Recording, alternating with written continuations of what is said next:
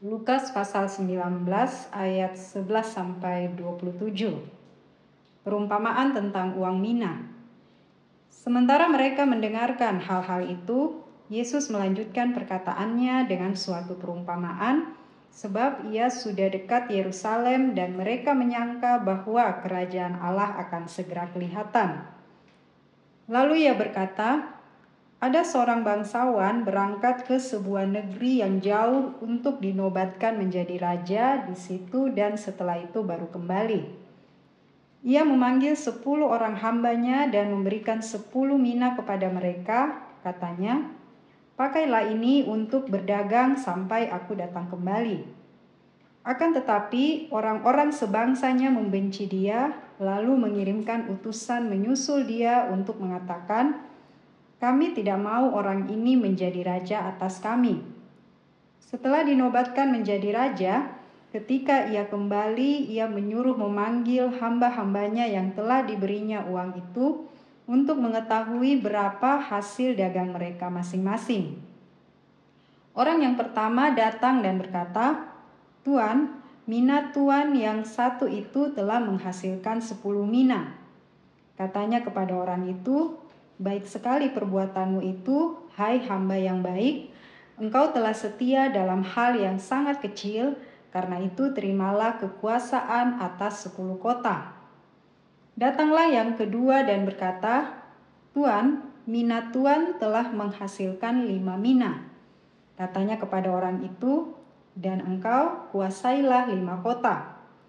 Lalu hamba yang lain datang dan berkata, Tuan, inilah mina Tuan, aku telah menyimpannya dalam sapu tangan. Sebab aku takut kepada Tuhan, karena Tuhan orang yang kejam. Tuhan mengambil apa yang tidak pernah Tuhan, ta Tuhan taruh, dan Tuhan menuai apa yang tidak Tuhan tabur. Katanya kepada orang itu, Hai hamba yang jahat, aku akan menghakimi engkau menurut perkataanmu sendiri. Engkau sudah tahu bahwa aku orang yang kejam, yang mengambil apa yang tidak pernah aku taruh dan menuai apa yang tidak aku tabur. Jika demikian, mengapa uangku itu tidak kau masukkan ke bank? Jadi pada waktu aku kembali, aku dapat mengambilnya dengan bunganya. Lalu katanya kepada orang-orang yang berdiri di situ, Ambillah mina yang satu itu dari dia dan berikanlah kepada orang yang mempunyai sepuluh mina itu. Kata mereka kepadanya, Tuan, ia sudah mempunyai sepuluh mina. Jawabnya, Aku berkata kepadamu, setiap orang yang mempunyai kepadanya akan diberi, tetapi siapa yang tidak mempunyai juga apa yang ada padanya akan diambil. Akan tetapi, semua seteruku ini yang tidak suka aku menjadi rajanya, bawalah mereka kemari dan bunuhlah mereka di depan mataku. Amin. Bapak Ibu, saudara-saudari dan adik-adik yang dikasih Tuhan, pembacaan kita tadi dari Lukas 19 ayat 11 sampai 27 tentang pengajaran Tuhan Yesus buat murid-muridnya, termasuk orang banyak yang sedang mengikuti Tuhan Yesus pada waktu itu. Kejadiannya pada waktu itu, Tuhan Yesus dalam perjalanan menuju kota Yerusalem ya. Tetapi ketika melewati kota Yeriko, Tuhan Yesus singgah. Dan waktu dia sedang berjalan di jalan kota Yeriko, ada seorang kepala pemungut cukai yang bernama Sakeus. Karena dia juga rindu untuk melihat Tuhan Yesus, tetapi sayang badannya pendek ya. Dia naik ke atas pohon dan dia dapat melihat Tuhan Yesus dengan jelas. Dan ketika Tuhan lewat di bawah pohon itu, Tuhan Yesus berkata, Sakeus turunlah aku akan singgah di rumahmu. Nah itulah uh, kalau secara kronologis ya pembacaan tadi.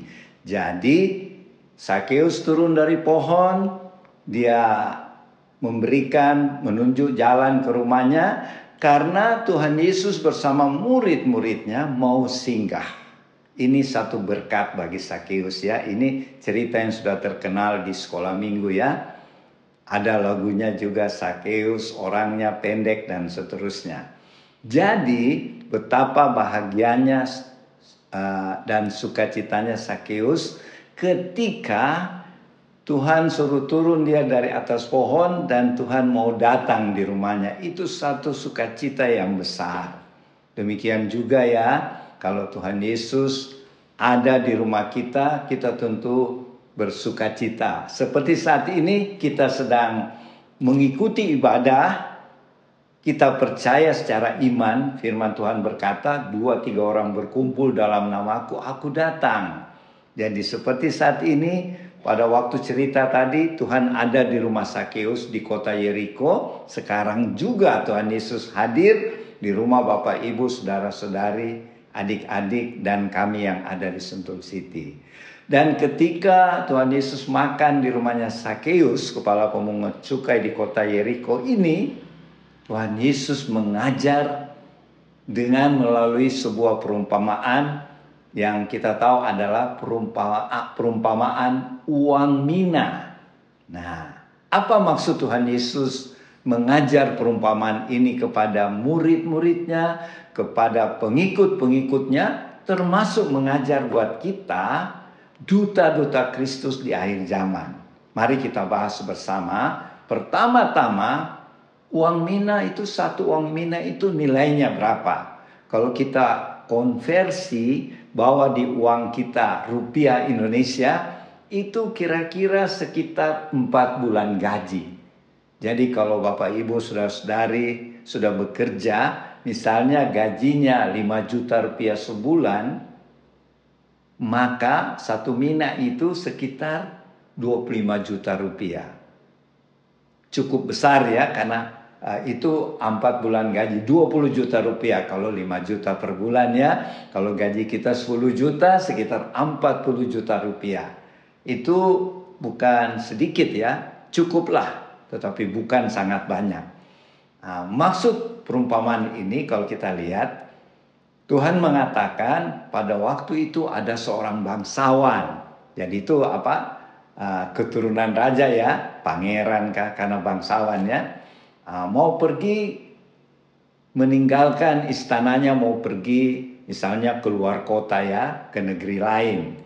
Dia panggil semua hamba-hambanya dan di cerita perumpamaan itu ada 10 orang yang mewakili hamba-hamba Tuhan termasuk kita di dalamnya ya. Ke sepuluh hamba-hambanya ini, si bangsawan memberikan masing-masing satu uang mina. Yang saya katakan tadi sekitar empat bulan gaji ya. Tiap-tiap orang, sepuluh orang itu dapat satu uang mina.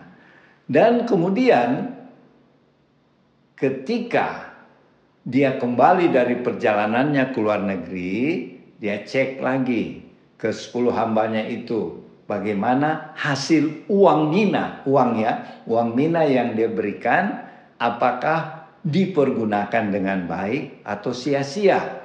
Dan kita lihat dalam cerita perumpamaan uang mina ini ada dua hamba yang baik yang mewakili 10 orang itu ya. Kedua hamba yang baik itu adalah yang pertama datang. Tuhan, uang mina yang Tuhan berikan dulu satu mina, sekarang sudah berganda, sudah berlipat ganda menjadi 10 mina. Si bangsawan itu senang dan dia memuji uh, usaha pekerjaan si hamba yang satu mina dia jadikan menjadi 10 dia memuji uh, bagus sekali kerjamu hambamu hambaku sebagai upahnya saya memberikan engkau memerintah sepuluh kota. Nah, kemudian datang lagi hamba yang kedua, dia katakan kepada bangsawan itu, Tuhan, satu mina yang Tuhan berikan sekarang sudah jadi lima. Hamba yang kedua ini juga dipuji oleh si bangsawan bahwa bagus sekali kau hambaku. Engkau setia dalam perkara kecil. Apa itu perkara, perkara kecil?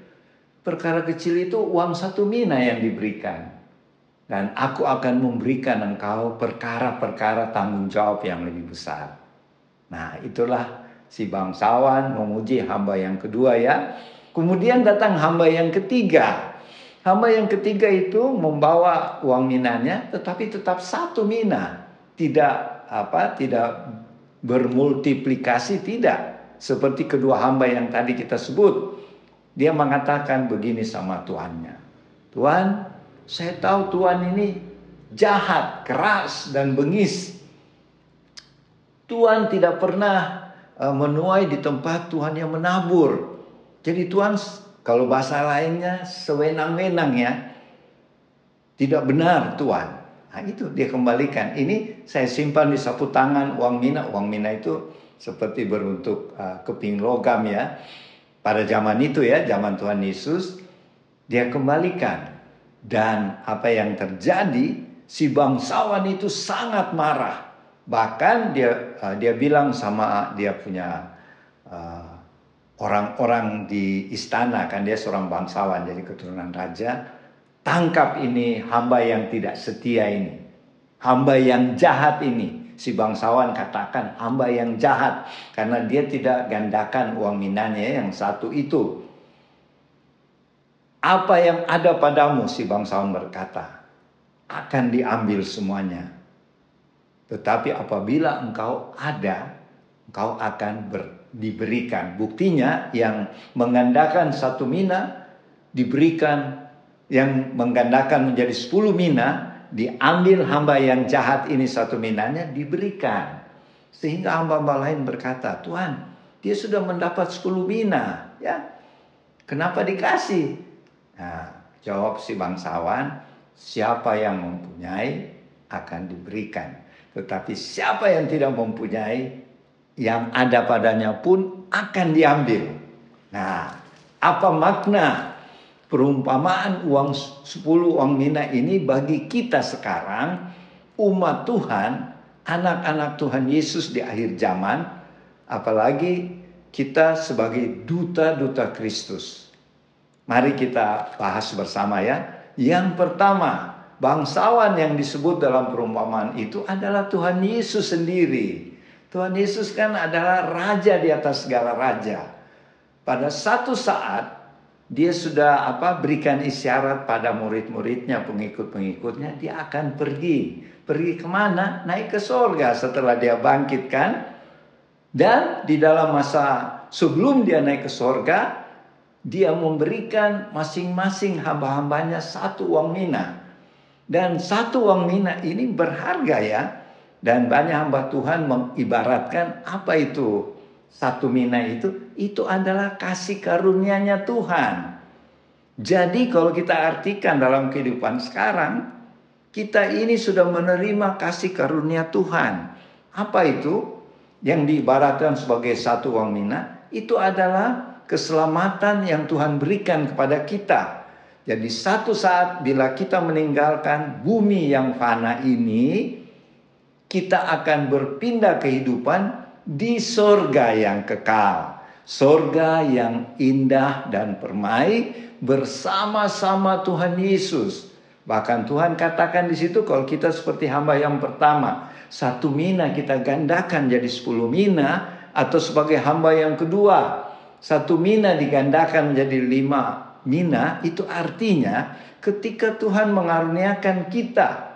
Kasih karunianya yaitu keselamatan, hidup yang kekal, hidup dalam kelimpahan. Karena kita percaya Tuhan datang untuk memberi hidup dan hidup yang berlimpah-limpah, bukan hidup yang melarat ya atau menderita. Tetapi apabila kita melihat saudara-saudara kita yang hidup dalam penderitaan susah, kita yang berkelebihan seharusnya menolong mereka. Ya, kita harus bermurah hati dengan apa yang kita terima dari Tuhan berupa uang-uang atau kekayaan itu. Jadi Bapak Ibu Saudara-saudari, maknanya buat kita, kita sekarang dalam masa penantian kedatangan Tuhan Yesus yang kedua kali. Kalau secara kalender gereja, sekarang adalah hari pertama Minggu Advent. Apa itu Minggu Advent? Itu masa penantian Tuhan Yesus datang lahir di Bethlehem pada waktu itu ya, yang nanti kita rayakan sebagai hari raya Natal, hari Senin 25 Desember tahun 2023. Tetapi sekarang kita bukan menanti-nantikan kelahiran Tuhan, tetapi menantikan kedatangan Tuhan Yesus yang kedua kali, yaitu dalam peristiwa pengangkatan nanti.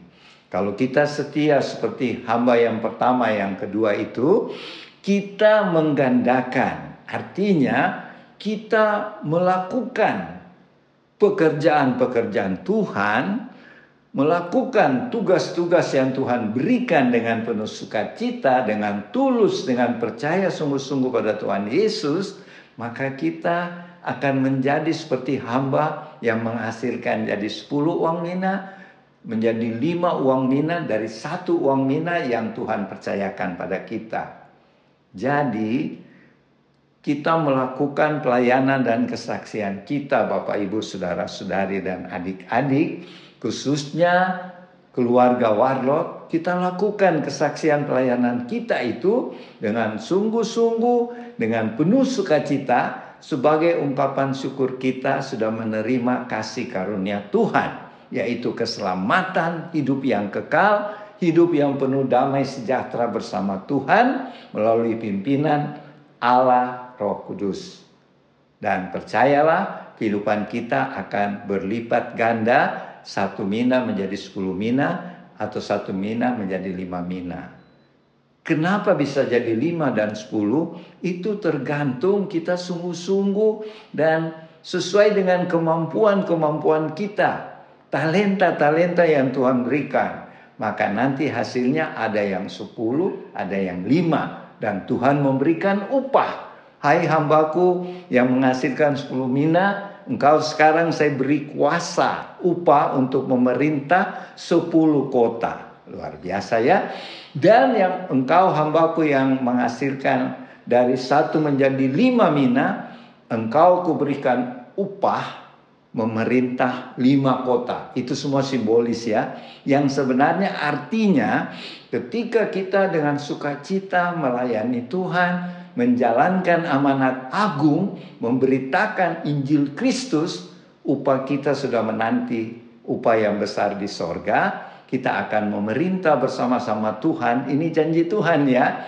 Pada waktu kapan? Ketika Tuhan Yesus memerintah di dunia selama seribu tahun.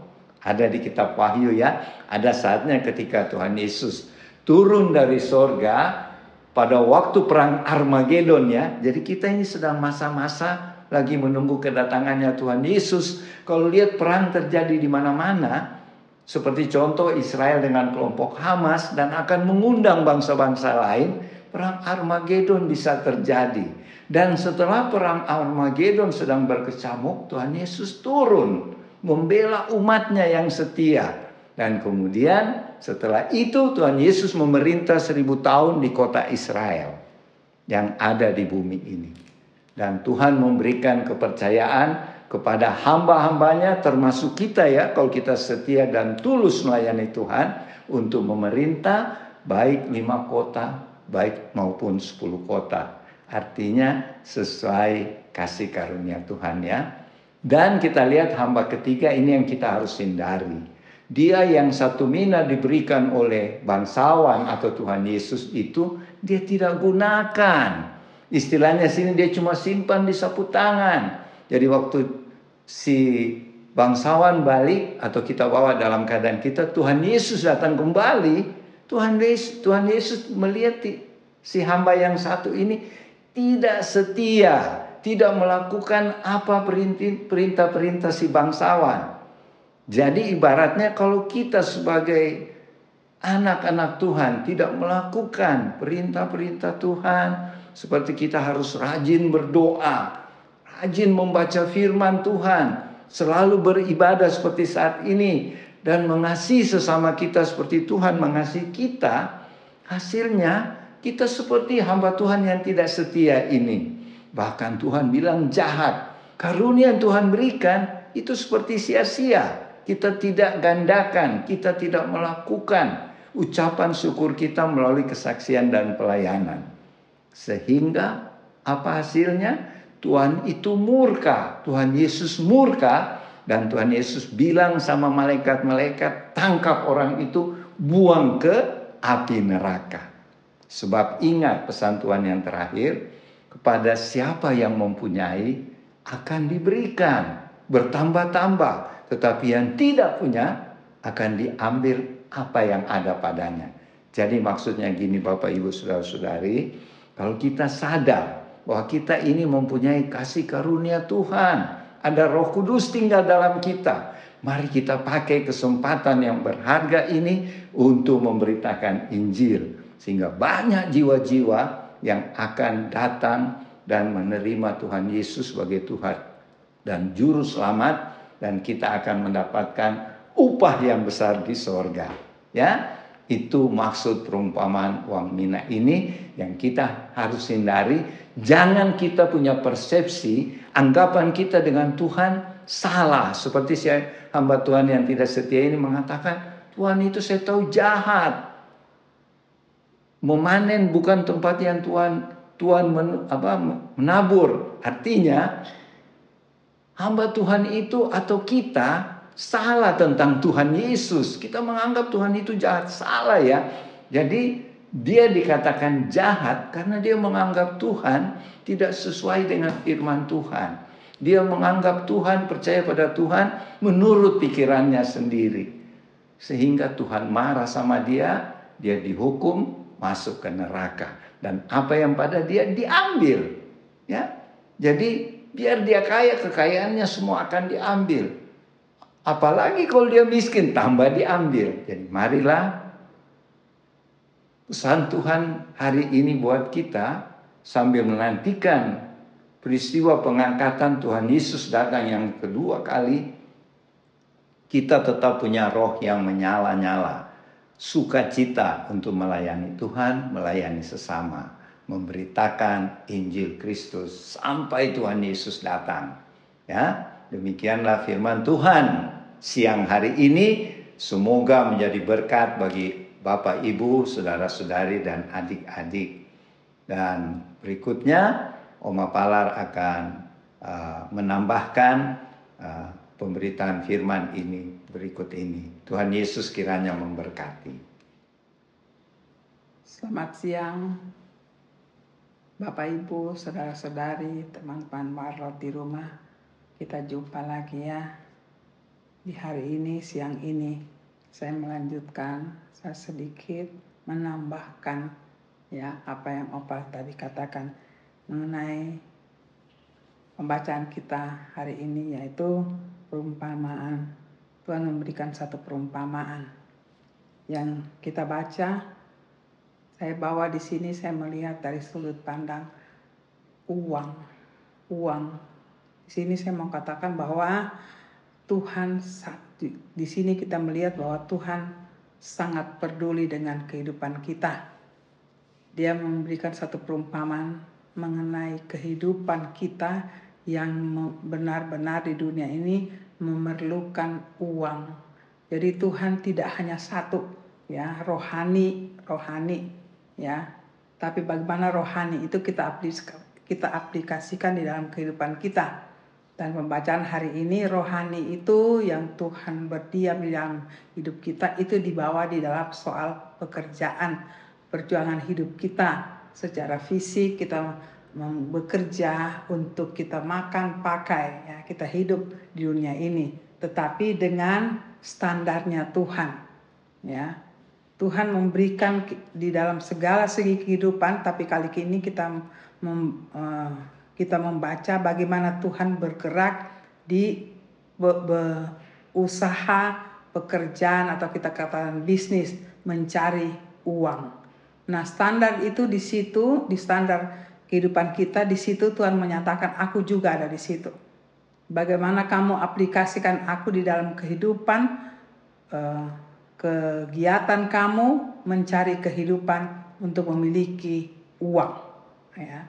Jadi sama hari ini siang ini kita berbicara di situ. Mari kita uh, arahkan perumpamaan ini dalam kehidupan kita bekerja, mencari uang ya di sini Tuhan mau katakan di tempat di di masalah kehidupan kamu Tuhan mau katakan saya ulangi lagi aku ada di situ. Jadi kadang-kadang kita kita sebagai manusia khususnya anak-anak Tuhan kalau kita menemukan masalah kadang-kadang kadang-kadang kita memikirkan apakah Tuhan ada di kehidupan kita untuk mencari kehidupan, membiayai kehidupan ya. Tuhan mau jelaskan di sini itu aku ada. Tapi bagaimana kita membawa kehidupan Tuhan di dalam pekerjaan ini, di dalam bisnis, dalam pekerjaan kita sehari-hari, tadi sudah dikatakan bahwa Tuhan khususnya anak-anak Tuhan, Tuhan sudah memberikan satu uang mina. Sebelum kita mengerti ini kita harus tahu dulu apa tugas kita yang Tuhan berikan kepada kita untuk hidup di dunia. Yaitu jadikanlah seluruh bangsa muridku untuk mengenal aku. Ya, di situ titik tolaknya. Situ titik awal kita mengembangkan kita punya kehidupan di dalam Tuhan. Berarti ada pekerjaan rumah Bukan saja kalau kita memikirkan Tuhan, banyak yang mengatakan kita menga, menga, membuat menjalankan pekerjaan yang Tuhan saya berikan hanya ada di rohani. Di kehidupan hari-hari itu biasa, tetapi dalam firman ada banyak yang Tuhan memberikan perumpamaan. Tapi kali ini Tuhan memberikan pada kita kegiatan kita, kehidupan kita untuk mencari kehidupan di situ Tuhan mau katakan, di situ aku ada. Saya ulang lagi, Tuhan ada di mana pun kita ditempatkan.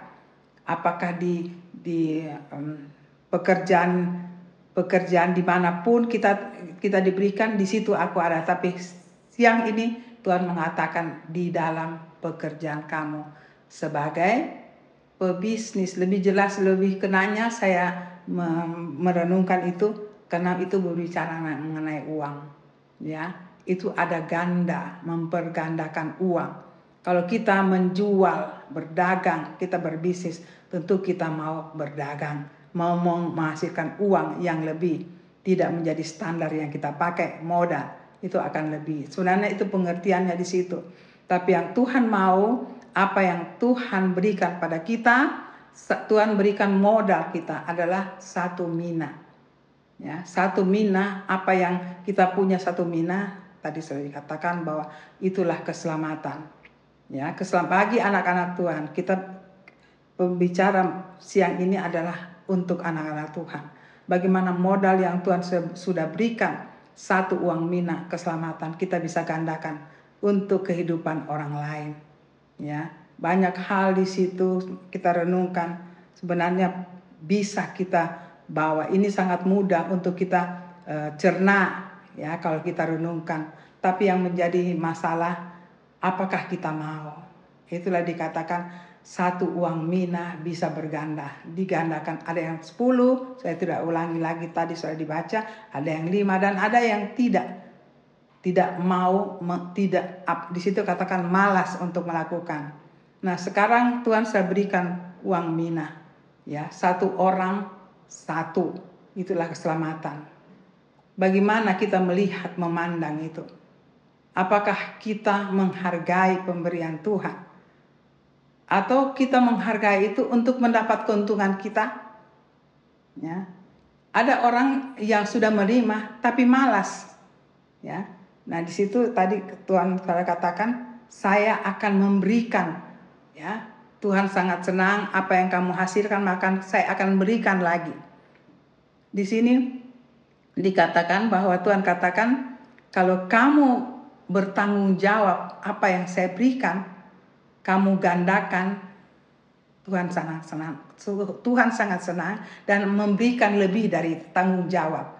Di situ ada Tuhan katakan karena perkara yang kecil saja kamu bisa menghargai akan memberikan lebih dari itu. Sekarang kembali pada kita. Sebenarnya pembacaan hari ini untuk kita renungkan. Ya. Memang kita akan bawa bawa kepada orang lain, membawa keuntungan agar yang memberikan kita modal yaitu Tuhan bisa melihat kehidupan kita. Tapi yang saya uh, dasari di sini saya renungkan sebenarnya kita dulu. Kita bertanggung jawab apa tidak? Tanggung jawab itu kita lihat untuk keuntungan kita, kesenangan kita, atau menyenangkan orang yang memberi kata modal. Ya, itu harus ada kerjasama. Ada juga orang yang menerima karena takut tidak ada kehidupan, ya. Kalau saya kalau saya tidak lakukan ini, saya lakukan ini untuk saya hidup atau menyenangkan orang yang berikan. Ada yang malas, saya ulang lagi. Tapi yang kita harus melihat ini, kita bertanggung jawab karena kita akan mendapat lipat ganda. Ya, Tuhan menghargai apa yang kita sudah diberikan modal. Kita bawa yaitu uang mina keselamatan. Kita bawa kepada orang lain. Orang lain akan menerima itu, ya. Itu berbicara itu menggandakan itu hasil daripada kita kembangkan, ya. Tapi yang menjadi titik tolaknya di sini adalah pribadi kita. Hubungan pribadi kita dengan Tuhan.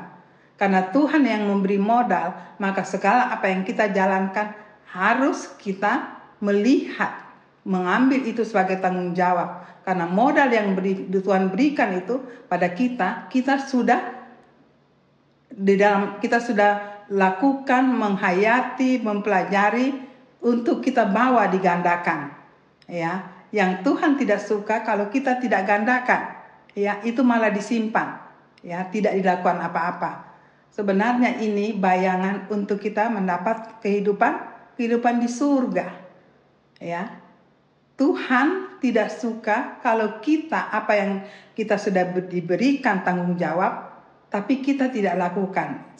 Sehingga tadi tadi Wiran itu mengatakan sampai diambil apa yang pada kita itu diambil. Dan kita yang diambil kita yang tidak menggandakan itu sampai dilemparkan ya di di di di, di, di neraka. Ini sangat keras sangat keras pengertiannya. Jadi bagi kita anak-anak Tuhan, mari mari kita lakukan tanggung jawab kita. Apa yang Tuhan berikan pada kita. Di situ juga di dalam pengertian ini apa yang Tuhan kasih modal, ada talenta di situ. Ya, ada talenta yang kita harus harus kembangkan, tapi semua berpusatnya di Tuhan. Kalau kita tahu apa yang kita terima, kita kita punya yang kita pakai untuk bekerja untuk Tuhan, itu semua dari Tuhan. Apakah kita ahli ahli ini, ahli itu, tetapi itu sebenarnya Tuhan yang berikan, bukan kita. Tapi sekarang kuncinya kita mau apa tidak, ya. Nah, kita di sini mau, mau khususnya anak Tuhan harus merenungkan ini agar waktu kita jalankan ini eh, diistilahkan tadi modal uang mina yang Tuhan suruh jalankan, kita mengerti, kita ada kerjasama dengan Tuhan, ya. Kita sekarang anak-anak zaman akhir ini kita sudah dibimbing oleh Roh Kudus yang memberikan itu. Tinggal kita mau kembangkan bagaimana, ya. Tapi ini ini sebenarnya satu saya melihat satu pekerjaan rumah tapi satu hak bagi kita anak-anak Tuhan tapi itu juga menjadi satu tanda menjadi satu satu tanda apakah kita akhirnya mengakhiri kehidupan itu ini yang kita lakukan ini apa apa yang kita lakukan ini di akhir hidupnya kita apa kita ada di surga atau tidak. Saya bawa saya coba bawakan itu pengertian ini. Jadi sekarang pertanyaan.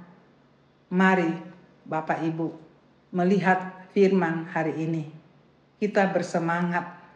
Kita ter, terpacu untuk menggandakan apa modal yaitu Tuhan sudah berikan pada kita untuk kita gunakan gunakan bukan untuk kita sendiri tapi menggunakan untuk orang lain melihat kita Tuhan memberikan satu yang kecil tapi karena kita berusaha kita berusaha dengan kekuatan bersama Tuhan kita gandakan maka tidak tertutup kemungkinan Tuhan akan memberikan kita banyak hal lagi lebih dari itu. Dan saat ini itu sangat di akhir zaman itu ini sangat kelihatan. Bagi anak-anak Tuhan tidak ada kata yang tadi saya malas untuk menjalankan. Karena itu Tuhan tidak senang, itu Tuhan marah ya. Karena apa? Kita mendapat satu modal yang cuma-cuma. Mari kita kesenangkan Tuhan untuk kita membawa jiwa lain melalui uang mina yang Tuhan ke saya itu keselamatan yang Tuhan saya berikan agar orang lain melihat keselamatan yang Tuhan berikan itu mereka juga terpacu untuk mengenal Tuhan. Saya tidak panjang itu uh, Bapak Ibu di rumah, kiranya ini dapat dimengerti apa yang saya bawakan. Saya juga berdoa kiranya Bapak Ibu di rumah saudara-saudari Roh Kudus akan memberikan pengertian lebih dari apa yang saya jelaskan. Kiranya ini menjadi berkat sampai kita bertemu di minggu depan. Tuhan memberkati.